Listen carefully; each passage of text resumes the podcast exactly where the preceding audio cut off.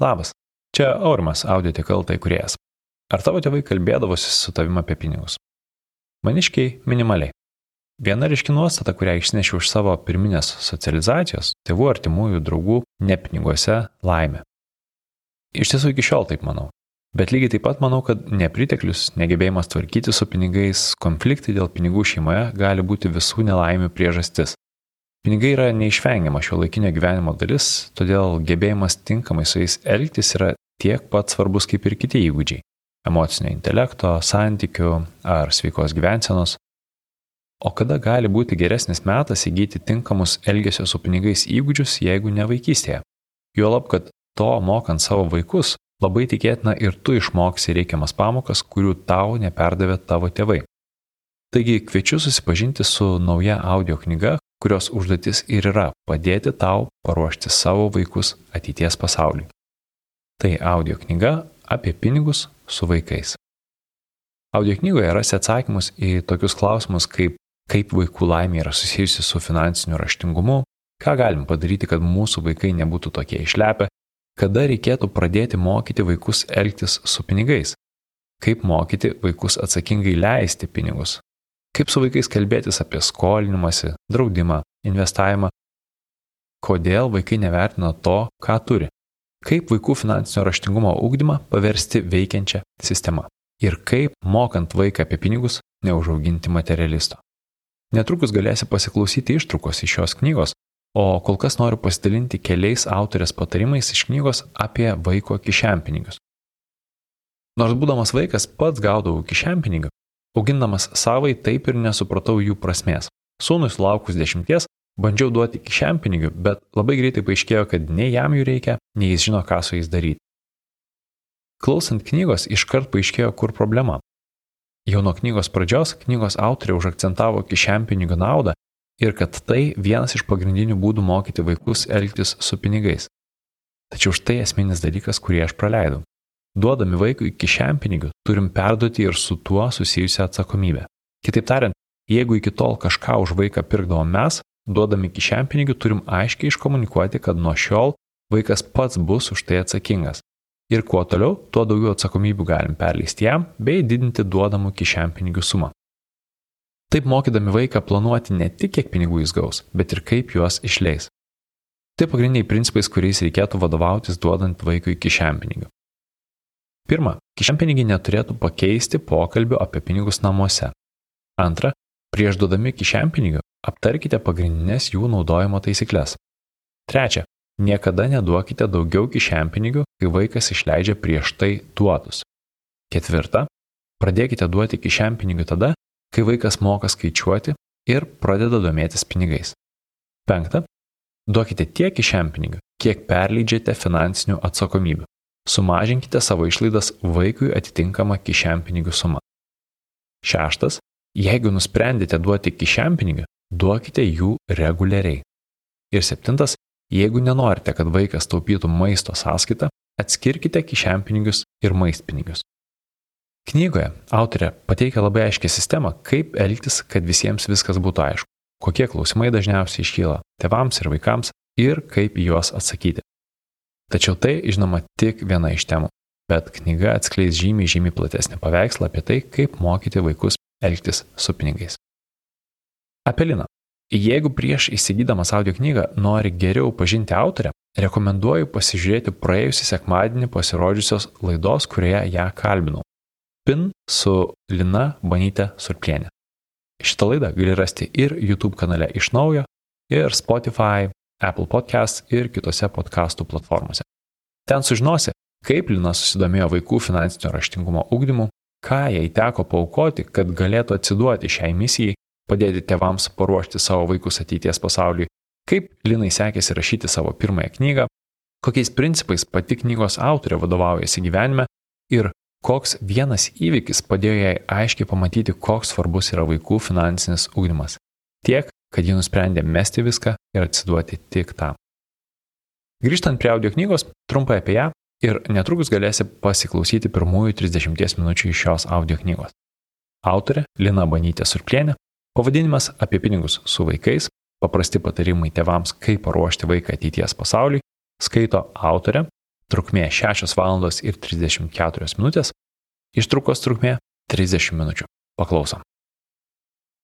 Audioteka LT pristato Linos Banytės Surplienės audio knygą apie pinigus su vaikais. Įgarsino Lina Banytė Surplienė. Audioteka LT 2022 metai. Visos teisės saugomos. Papildomą medžiagą ir aktyves nuorodas rasite audio knygos priede adresu www.audioknygos.lt pasviras brūkšnys apie pinigus su vaikais. Skiriu savo vyrui Giedriui, kuris nuolat mane palaiko ir veda į priekį. Taip pat vaikams Faustui, Elžbietai ir Konstantinui, mano gyvenimo šviesuliukams. Įžanga. Baigusi universitetą buvau jauna ir ambicinga. Norėjau susirasti gerai mokamą darbą, daug išmokti ir parodyti, ką sugebu. Darbą netrukus radau vienoje iš keturių didžiausių pasaulio audito ir konsultacijų bendrovių. Pradėjau dirbti mokesčių konsultantę. Mokiausi greitai, taip pat greitai kilau ir karjeros laiptais. Kuo aukštesnės buvo pareigos, tuo daugiau turėjau atsakomybių. Ne tik konsultavau klientus, bet ir pardavinėjau paslaugas, vedžiau į priekį komandą, kūriau strategiją ir skaičiau pranešimus. O namie laukdavo šeima - vyras ir vaikai. Taigi reikalų buvo daug, o laisvo laiko - mažai. Nors atlyginimas kilo kartu su pareigomis ir atsakomybėmis, atrodė, kad pinigų vis nėra pakankamai. Kažkiek sutaupydavome, bet toj pat išleisdavome geresniam automobiliui ar mielai interjero detaliai. Nusprendėme iš būto persikelti į namą, ir būstas suvalgydavo visus papildomai uždirbtus pinigus. Tai prireikia įsigyti naują baldą, tai sieną padažyti, tai pirtį įsirengti. Apimdavo jausmas, kad ne aš gyvenu gyvenimą, o gyvenimas mane. Negebėjimas valdyti pinigų, švelniai tariant, erzino. Buvau baigusi ekonomiką ir finansus. Puikiai išmaniau, kaip reikia elgtis su pinigais. Turėjau tvirtus tėvų suformuotus finansinių įgūdžių pagrindus. Tėtis ilgai dirbo finansininku, o mama buvo verslininkė. Vis dėlto, pasidavusi gyvenimo tiekmiai, nieko nesutaupydavau. Taškiau pinigus restoranams ar šiaip užgaidoms, nes juk galiu sauliaisti. Lyg ir stengiausi gyventi kitaip, bet nepavyko. Tada supratau, kad trūksta sistemos arba įpročių, kurie be didelių pastangų leistų tinkamai valdyti savo pinigus. Jaučiausi beviltiškai nes nežinojau, kaip sukurti tokią sistemą šeimoje, kaip susitarti su vyru ir vaikais dėl bendrų principų, kaip gyventi į priekį, o netrypčioti vietoje. Tuo metu mane guodė vienintelis dalykas - kad bent vaikams nieko netrūksta. Iš tiesų jie buvo ne tik pavalgydinti ir aprengti, bet ir lankė burelius, nuolat mokėsi ko nors naujo. Plauktis, lidinėti ir važinėti dviračiu, keliaudavo, privalomai bent du kartus per metus į užsienį. O tada vieną dieną suvokiau, kad tas beviltiškumo jausmas visai ne apie mane. Išsigandau, kad mano vaikai gyvens tokiame pat chaose kaip ir aš. Juk jiems rodau pavyzdį, kaip elgtis su pinigais. Ar noriu, kad mano vaikai taip gyventų? Ar noriu, kad jie neturėtų santaupų ir alternatyvių pajamų šaltinių? Dėl to būtų įkalinti darbe nuo vieno atlyginimo iki kito, neturėdami laisvės pasirinkti? Suvokiau, kad mano supratimas, jog vaikams nieko netrūksta, ribotas. Jiems trūko žinių ir įgūdžių, kaip elgtis su pinigais. Tai supratusi nusprendžiau kelionę pradėti kartu su vaikais. Gal ir būtų buvę logiškiau pradėti nuo savęs, bet tada tektų garsiai pripažinti, kad ir pati kažko nemoku. Eiti pas finansų ekspertus, už kuriuos jaučiausi žinanti daugiau. Pradėjau skaityti knygas apie vaikų finansinį ūkdymą, dalyvauti seminaruose, Supratusi, kad kai kuriuose srityse man pačiai trūksta žinių, atsiverčiau knygas apie finansus suaugusiems. Atsirado keistas šalutinis efektas. Domėdamasi vaikų finansiniu ugdymu, pradėjau daug daugiau dėmesio skirti ir asmeniniams bei poros finansams. Susidomėjau investavimu. Vis dėlto meluočiau sakydama, kad buvo lengva. Iš pradžių vaikų finansinis ugdymas man atrodė kaip tamsus miškas. Informacijos internete galybė. Patarimai dažnai vienas kitam prieštaraujantis. Vieni sako, kad už būties darbus reikia mokėti, kiti, kad jokių būdų. Vieni įrodinėja, kad kišenpinigius privaloma duoti grinaisiais, kiti, kad daug patogiau pervesti į kortelę. Užtruko nemažai laiko, kol viską išpainiojau ir galvoje susidėliojau veikiančią vaikų finansinio ugdymo sistemą, apimančią esminius pinigų valdymo įgūdžius. Labai mėgstu sistemas, nes kurią nors įgyvendinus, rezultatai pasiekiami tarsi savaime. Jiems nereikia skirti daug laiko ir pastangų. Ko galite tikėtis išklausę šią knygą ir įgyvendinę joje pateikiamus patarimus? Iš pradžių apie tai, ko tikėtis nereikėtų. Nemanau, kad mokydami vaikus apie pinigus turėtume tikėtis, kad jie pasieks daugiau.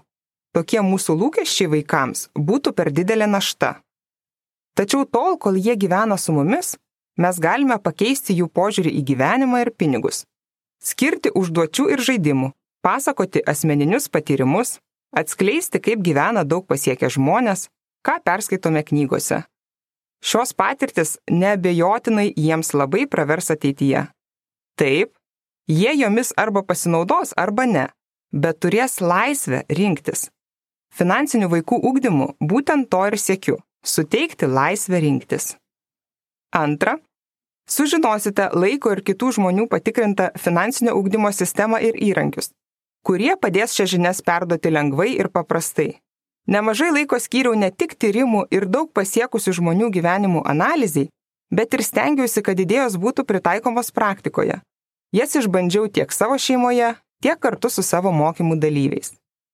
Galiausiai tikėtina, kad ir patys pajusite šalutinį šios knygos efektą.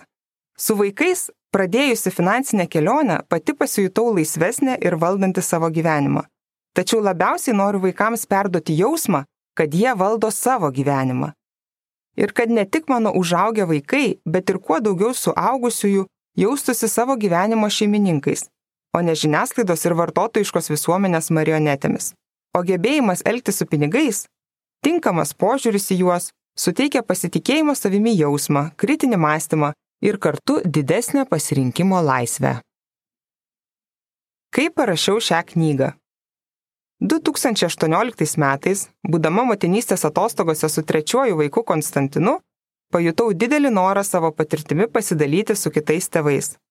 Nuo to laiko pradėjau kurti projektą raisingfreekids.com, įkūriau Facebook grupę apie vaikus ir pinigus. Reguliariai vedu mokymus tėvams, parengiau diskusijų korteles apie pinigus su vaikais. Esu dėkinga leidiklai Alma Litera už galimybę išleisti knygą ir pasiekti daugiau tėvų, kurie nežino, kaip išmokyti vaikus elgtis su pinigais. Jaučiuosi įkvepta parodyti tiesiausią kelią. Vaikai lyg baltas popieriaus lapas. Nuo mūsų tėvų priklauso, ką juose nupiešime. Norėčiau, kad tame piešinyje netrūktų nie vienos spalvos, kad jame atsirastų vietos ir požiūrį į pinigus. Ar finansinis vaikų ūkdymas pagrindinis auklėjimo uždavinys? Ne. Mokyti apie pinigus nėra svarbiau nei mokyti kitų dalykų - emocinio intelekto, santykių ir sveikatos įgūdžių ir panašiai. Tačiau pinigai yra svarbi šio laikinio gyvenimo dalis.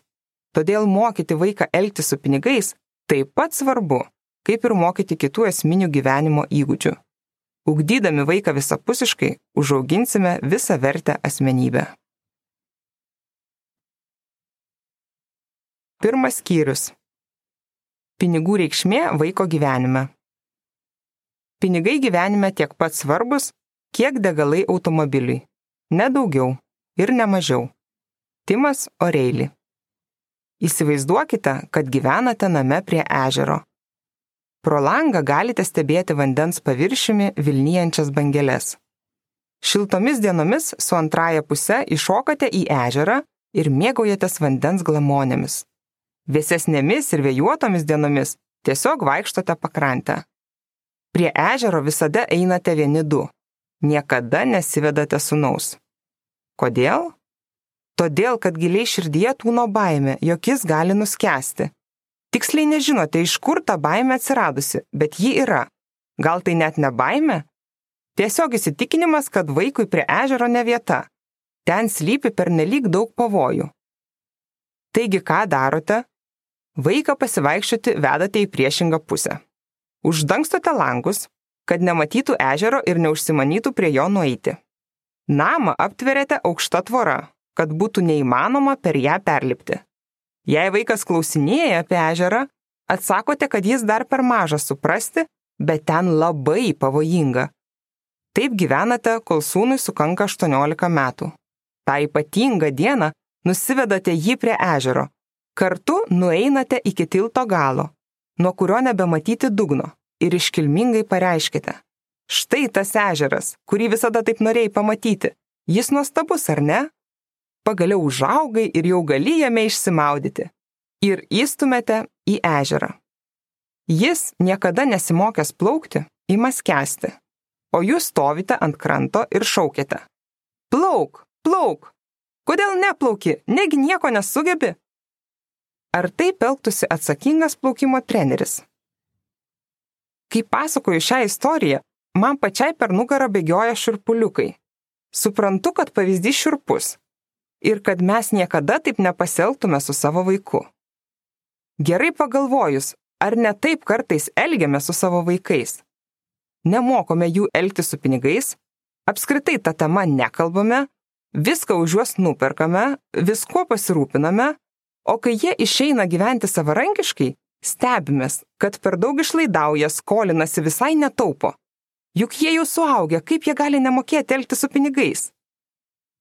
Kartais tokioje situacijoje atsidurėme dėl nežinojimo, kada laikas pradėti kalbėti apie pinigus ir kaip tai daryti.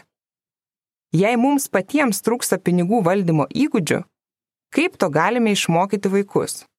Iš tiesų labai žmogiška bandyti pasislėpti nuo to, ko nesuprantame apsimesti, kad tai neegzistuoja, slapčia melstis, kad problema kaip nors išsispręs ir be mūsų įsikišimo. Vis dėlto mūsų, tėvų pareiga, suteikti esminius gyvenimo įgūdžius, įskaitant elgesį su pinigais, kad suaugę vaikai galėtų sėkmingai gyventi šiame pasaulyje. Nesvarbu, ar vaikas bus menininkas ar gydytojas, verslininkas ar politikas, jis turi išmokti elgti su pinigais. Kodėl? Todėl, kad tai yra vienas pagrindinių gebėjimų, suteikiančių laisvę rinktis, galimybę valdyti savo gyvenimą, jausti saugiai ir daryti įtaką kitiems. Tarkime, vaikas turi rašytojo talentą. Jei nori gyventi iš rašymo, jis turi ne tik išmokti rašyti, bet ir pardavinėti bei reklamuoti savo knygas. Perspektyviam sportininkui neužtenka vien treniruotis, reikės ir uždirbti ir protingai leisti uždirbtus pinigus. Jei jūsų vaikas nori rūpintis aplinka ir mažinti klimato kaitą, jam reikės ieškoti finansavimo, kad galėtų daryti įtaką pasauliui.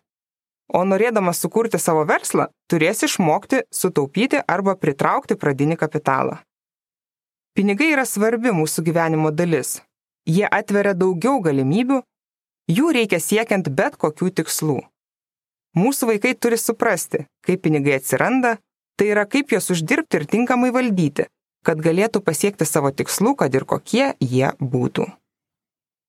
Kuo anksčiau pradėsime vaikus mokyti elgesio su pinigais šiame pasaulyje, tuo geresnius įgūdžius jie bus išsiugdę, kai išeis gyventi savarankiškai. Todėl, jei reikia, mokykime kartu su vaikais, pripažinkime, kad kažko nežinome. Ir jei prireikia keisti įprastą gyvenimą, išdrįskime tai padaryti vaikų laimė ir finansinis raštingumas. Kaip tai susiję? Pinigai ir stresas. Turiu vieną pažįstamą, kuris uždirba visai neblogai. Daugiau negu du vidutinius darbo užmokesčius. Tačiau jis visiškai neturi santaupų ir nuolat skundžiasi, kad jam trūksta pinigų. Dažnai skolinasi iš draugų ar pažįstamų, kai tai nepavyksta, pasiema sukauptus pinigus iš gyvybės draudimo. Kartą man prasitarė sapnuojantis, kad už skolas praranda stogą virš galvos ir šeimą. Jis nesijaučia laisvas ir saugus. Kai atsargiai pasiūliau atsidėti nors 10 procentų gaunamų pajamų, išgirdau atsakymą. Gaunant tokį atlyginimą neįmanoma taupyti. Aš vos išgyvenu nuo algos iki algos. Tačiau tai jam netrukdo išsimokėtinai nusipirkti naują automobilį, vaikams įtaisyti naują baseiną, kad čia galėtų pasipliuškenti kieme ir reguliariai užsukti į kavinę užkasti. Jei esate patyrę ką nors panašaus kaip mano pažįstamas, žinote, kiek kančios ir nusivylimų gali sukelti netinkamai valdomi pinigai, tiksliau jų trūkumas. Jei nesate, ar norėtumėte, kad jūsų vaikai patirtų pinigų trūkumą ir jo pasiekmes? Finansinis stresas yra stipresnis už santykių, darbo ir sveikato stresą. Įsivaizduokite, kad jūs darbe apšaukia viršininkas ir pagrasina atleisti. Kad susipykote su vyru ar žmona ir jau antrą savaitę nesikalbate.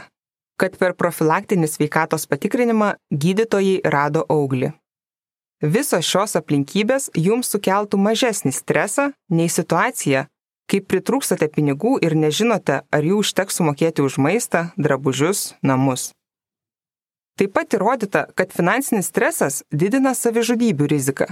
Ir tai dar ne viskas. Tyrimai rodo, kad finansinis stresas turi milžinišką poveikį sveikatai. Gali skatinti nemigą, ansvorį ar svorio praradimą, nerimą ar net depresiją, sukelti įvairius skausmus, didinti kraujospūdį ir lemti širdies lygas gali pablogėti santykiai su antraja puse ar kitais šeimos nariais, tėvais ar vaikais, kilti noras atsitraukti nuo draugų ir atsisakyti bet kokio bendravimo. Be to, finansinis stresas dažnai paskatina netinkamus įpročius. Pavyzdžiui, alkoholio vartojimą, persivalgymą ar net azartinius lošimus. Kas sukelia finansinį stresą? Mažas atlyginimas? Nesėkmingai susiklošiusios gyvenimo aplinkybės kurios neleido atsidurti tinkamu laiku tinkamoje vietoje. Pasirinkta prastai mokama profesija? Nesažiningas darbdavys? Ne. Štai dainininkė Britney Spears per mėnesį uždirbdama 737 tūkstančius dolerių nesugebėjo sutaupyti net cento. Viską išleido namams, restoranams ir pramogoms. Holivudo aktorius Nikolas Keidžas prisipirko namų, automobilių, meno ir juvelyrikos dirbinių, Tokiam turtui išlaikyti jam reikėjo 30 milijonų dolerių per metus. Galime rasti galybę pavyzdžių, kai žmonės, uždirbantis milžiniškas sumas, nesugebėjo protingai įdarbinti pinigų ir bankrutuodavo. O kukliai uždirbantys žmonės puikiai valdydavo savo pinigus ir sutaupydavo solidžią pensiją. Taigi finansinio streso priežastis - ne aplinkybės. Pastaruoju metu tyrėjai aiškinosi, Kaip susijęs finansinis stresas, finansinis elgesys ir finansinis raštingumas. Rezultatai rodo, kad žemas finansinis raštingumas, o ne aplinkybės, lemia finansinį stresą. 21 amžiuje susidurėme su didesnė produktų įvairove ir globalios ekonomikos nestabilumu. Tai vartotojams sukuria naujų iššūkių ir didina finansinio raštingumo svarbą. Finansinių įgūdžių neturintys suaugusieji įsisuka į užburtą ratą. Prasti pinigų valdymo įgūdžiai sukelia finansinės problemas. Šios veikia fizinę ir emocinę sveikatą, o kai blogai jaučiamės, norisi pasilepinti ir daugiau išlaidauti. Taigi sustiprėja blogi pinigų valdymo įgūdžiai, o šie vėl kelia finansinės problemas ir taip toliau. Lietuvoje suaugusiųjų, kurie yra patekę į tokį užburtą žemo finansinio raštingumo ir finansinių problemų ratą, yra nemažai. Lietuvos banko duomenimis 2020 m. pabaigoje vartojimo kreditus buvo paėmę 146 tūkstančiai Lietuvos gyventojų. Apie 5 procentai visų gyventojų, įskaitant nepilnamečius. Iš tiesų nerima kelia tai, kad vidutinės šių žmonių mokamos metinės palūkanos siekia šiek tiek daugiau nei 24 procentus. Vartojimo kreditų statistika Lietuvoje 2020 m. gruodžio 31 d. Prižiūrimi 54 vartojimo kredito davėjai. Paskolų portfelio dydis viršyje 268 milijonus eurų. Klientų skaičius 146 520. Vidutinė metinė palūkanų norma 2020 m. ketvirtąjį ketvirtį šiek tiek daugiau negu 24 procentai. Per ketvirtį suteiktų kreditų suma viršyje 43 milijonus eurų. Iš tiesų nerima kelia tai, kad vidutinės šių žmonių mokamos metinės palūkanos siekia šiek tiek daugiau nei 24 procentus. Vadinasi, jeigu jie pasėmė 5000 eurų paskolą penkeriems metams, iš viso turės sumokėti 8600 eurų. Nors pastaruoju metu vartojimo kreditų palūkanos nukrito, gražinti beveik dvigubai daugiau nei pasiemėte, sutikite, yra didelė našta ir tikrai ne visiems pakeliama. Ir lengviausiai greituosius kreditus įsisuka jauni žmonės. Lietuvo žiniasklaidoje mirgėjo istorijos, kaip per 2020 m. COVID-19 pandemiją daug dainininkų ir aktorių neteko darbo ir sunkiai galėjo išsiversti. Kaip jie turėjo jaustis, neturėdami pinigų net maistui ir kitiems būtiniems pirkiniams. Kodėl suaugusieji neturi tinkamų finansinių įgūdžių? Viena iš priežasčių - jų niekas nemokė vaikystėje. Kaip rodo pasaulinis EBPO ekonominio bendradarbiavimo ir plėtros organizacijos tyrimas, 94 procentai Lietuvos mokinių apie pinigus sužino iš tėvų. Vis dėlto nenoriu teikti, kad jei nemokysime vaikų elgtis su pinigais, jie bus pasmerkti patekti į užburtą finansinių problemų ratą. Gali būti, kad užaugę patys tam skirs laiko ir išmoks reikiamų finansinių įgūdžių. Tačiau suaugusieji tai daro jau nusvilę, kai jiems kas nors nutikė, Į finansų konsultantus dažniausiai kreipiasi jauni žmonės, kurie jau būna pasijėmę ne vieną vartojamąją paskolą ir nebesugeba jų gražinti. Ar nenorėtume savo vaikams šio kelio palengvinti? Pinigai ir laisvė rinktis. Kevinas O'Leary, televizijos šou Shark Tank žvaigždė, gali sauliaisti kiekvieną savaitgalį visą šeimą pirmąją klasę skraidinti į bet kurį pasaulio kampelį. Tačiau pirmąją klasę keliauja tik jis pats, o savo vaikams nuperka ekonominės klasės bilietus. Jis prisimena, kaip kartą su vaikais ilgai skrido į Ženevą. Jo sunus Trevoras priejas paklausė, tėti, kodėl kiekvieną sykį, kai mes skrendame, aš turiu sukti kairien ir eiti į lėktuvo galą, o tu suki dešinien ir sėdi priekyje plačioje kėdėje, tau patekė jautienos kepsnį. Į tai Olieri turėjo paprastą atsakymą - Trevorai. Taip yra todėl, kad tu neturi pinigų. Mano sunus suvokė ryšį tarp pinigų ir asmeninės laisvės, rašo į savo knygoje Cold Hard Truth on Family, Kids and Money. Karti tiesa apie šeimą, vaikus ir pinigus. Manau, kad tai didžiausia dovana, kokią jam kada nors įteikiau. Aš padėjau jam pamatyti tą ryšį. Darydamas žiauraus tėčio dalykus, pavyzdžiui, priversdamas jį sėdėti ekonominės klasės kėdėje, jam tai primenu. Pinigai suteikia laisvės, nes uždirbdami jų pakankamai ir turėdami užtektinai santaupų, turime laisvę rinktis, ką veiksime atsikėlę ryte. Laisvė, kai galime rinktis, ką dirbti, kur gyventi, su kuo draugauti, ką veikti ir kur atostogauti. Aplinkui matome tiek daug žmonių užgesusiomis akimis, tušiai žvilgsniais keliaujančius gatve ir dardančius autobusais. Jie tarsi įsisukę, atsikeliu, einu į darbą, grįžtu iš darbo, einu miegoti, rate. Ar norėtumėte, kad mūsų vaikai taptų tokiais zombiais? Mes, tėvai, galime pasirinkti du kelius. Pirmas kelias. Mes galime gyventi taip, kaip esame įpratę, ir su pinigais elgtis taip, kaip esame įpratę elgtis. Kitaip sakant, galime nekreipti per daug dėmesio į vaikų finansinį ūkdymą ir tikėtis, kad jie patys visko išmoks iš mūsų pavyzdžio, mokykloje ar dar kur nors. Juk mūsų niekas nemokė ir užaugome normalūs o užaugę savo problemas išsispręs patys. Antras kelias.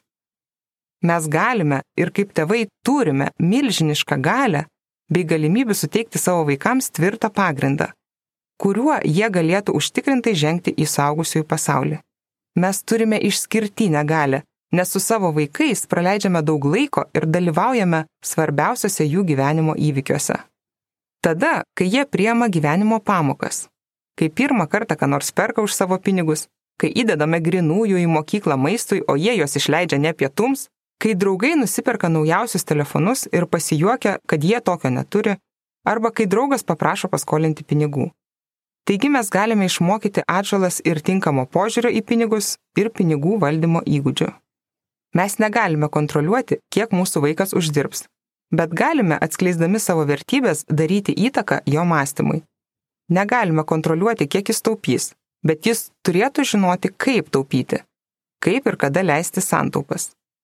Negalime apsaugoti nuo kitų žmonių manipulacijų, bet galime išmokyti apsiginti, kai kiti bandys manipuliuoti jo nuomonę apie pinigus. Ir net jei patys ko nors nemokame, galime mokytis kartu su vaikais. Tiesą sakant, gali būti, kad ši knyga paskatins ir jūs daugiau domėtis finansų tema. Ne vienas tėvas ar mama, dalyvavęs mokymuose, yra sakęs, kad po jų pradėjo pats investuoti ar daugiau taupyti. Taigi, mokant vaikus apie pinigus, nutinka mažas stebuklas. Mes ir patys užsinorime daugiau apie juos sužinoti, būti geresniu pavyzdžiu savo vaikams.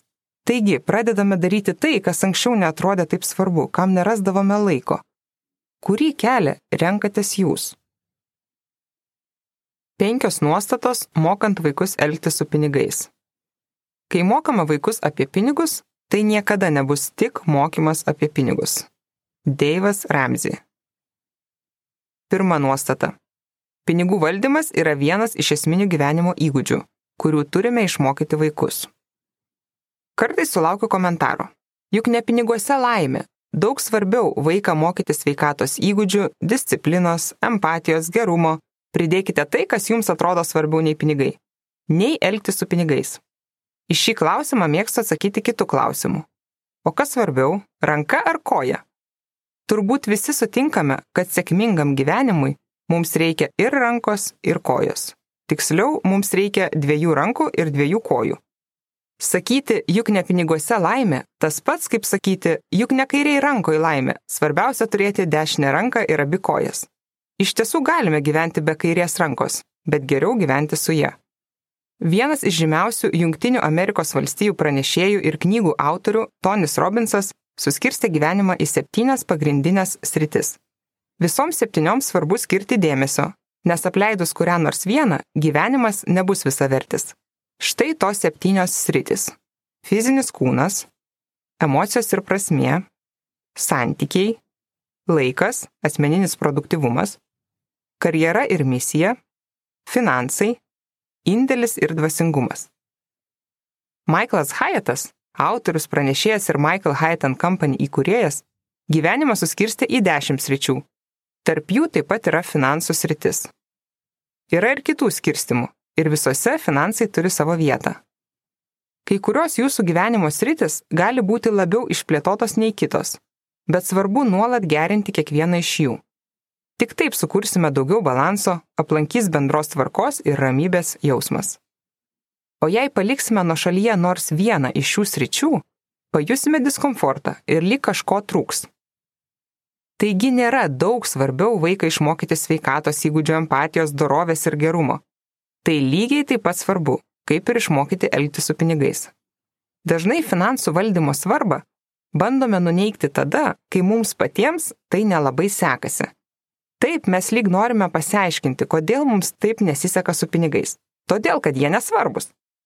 O jeigu nesvarbus, vadinasi, galime per daug savęs negriaušti kad taip nevykusiai su jais tvarkomės ir toliau plaukti pasroviui. Mes, suaugę ir savarankiški žmonės, galime su pinigais elgtis taip, kaip norime.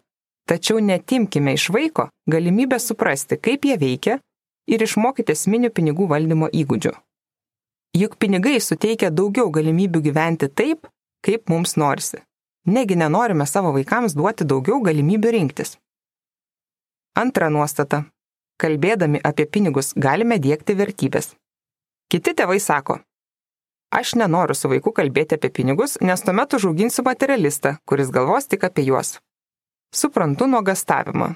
Tikrai nenorėčiau, kad mano vaikai galvotų tik apie pinigus, kad pabudus pirma jų mintis būtų apie juos.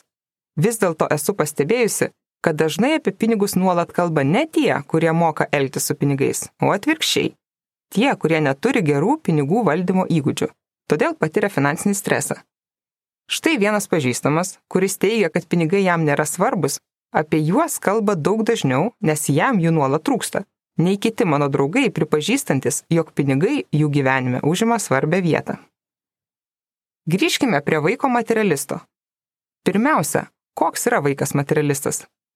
Materialistai daugiau dėmesio skiria daiktams nei žmonėms ar santykiams. Jie tiki, kad daugiau daiktų padarys juos laimingesnius. Jiems įdomiau, ką kiti žmonės pagalvos apie jų turimus daiktus, nei ar tie daiktai jiems reikalingi. Ir tyrimai nedžiugina, materializmas susijęs su didesniu depresijos ir nerimo lygiu, taip pat su lygomis. Tai buvo ištrauka iš Linos Banytės Surplienės audio knygos apie pinigus su vaikais. Primenu, kad su nuolaidos kodu naujiena pristatymo savaitę audio knygą gali įsigyti 30 procentų pigiau. Nuorodą į šią audio knygą rasi audio laiško aprašymę, o taip pat audioteka programėlėje ar audioteka svetainėje adresu audioteka.lt. Iki kito karto. Aurimas.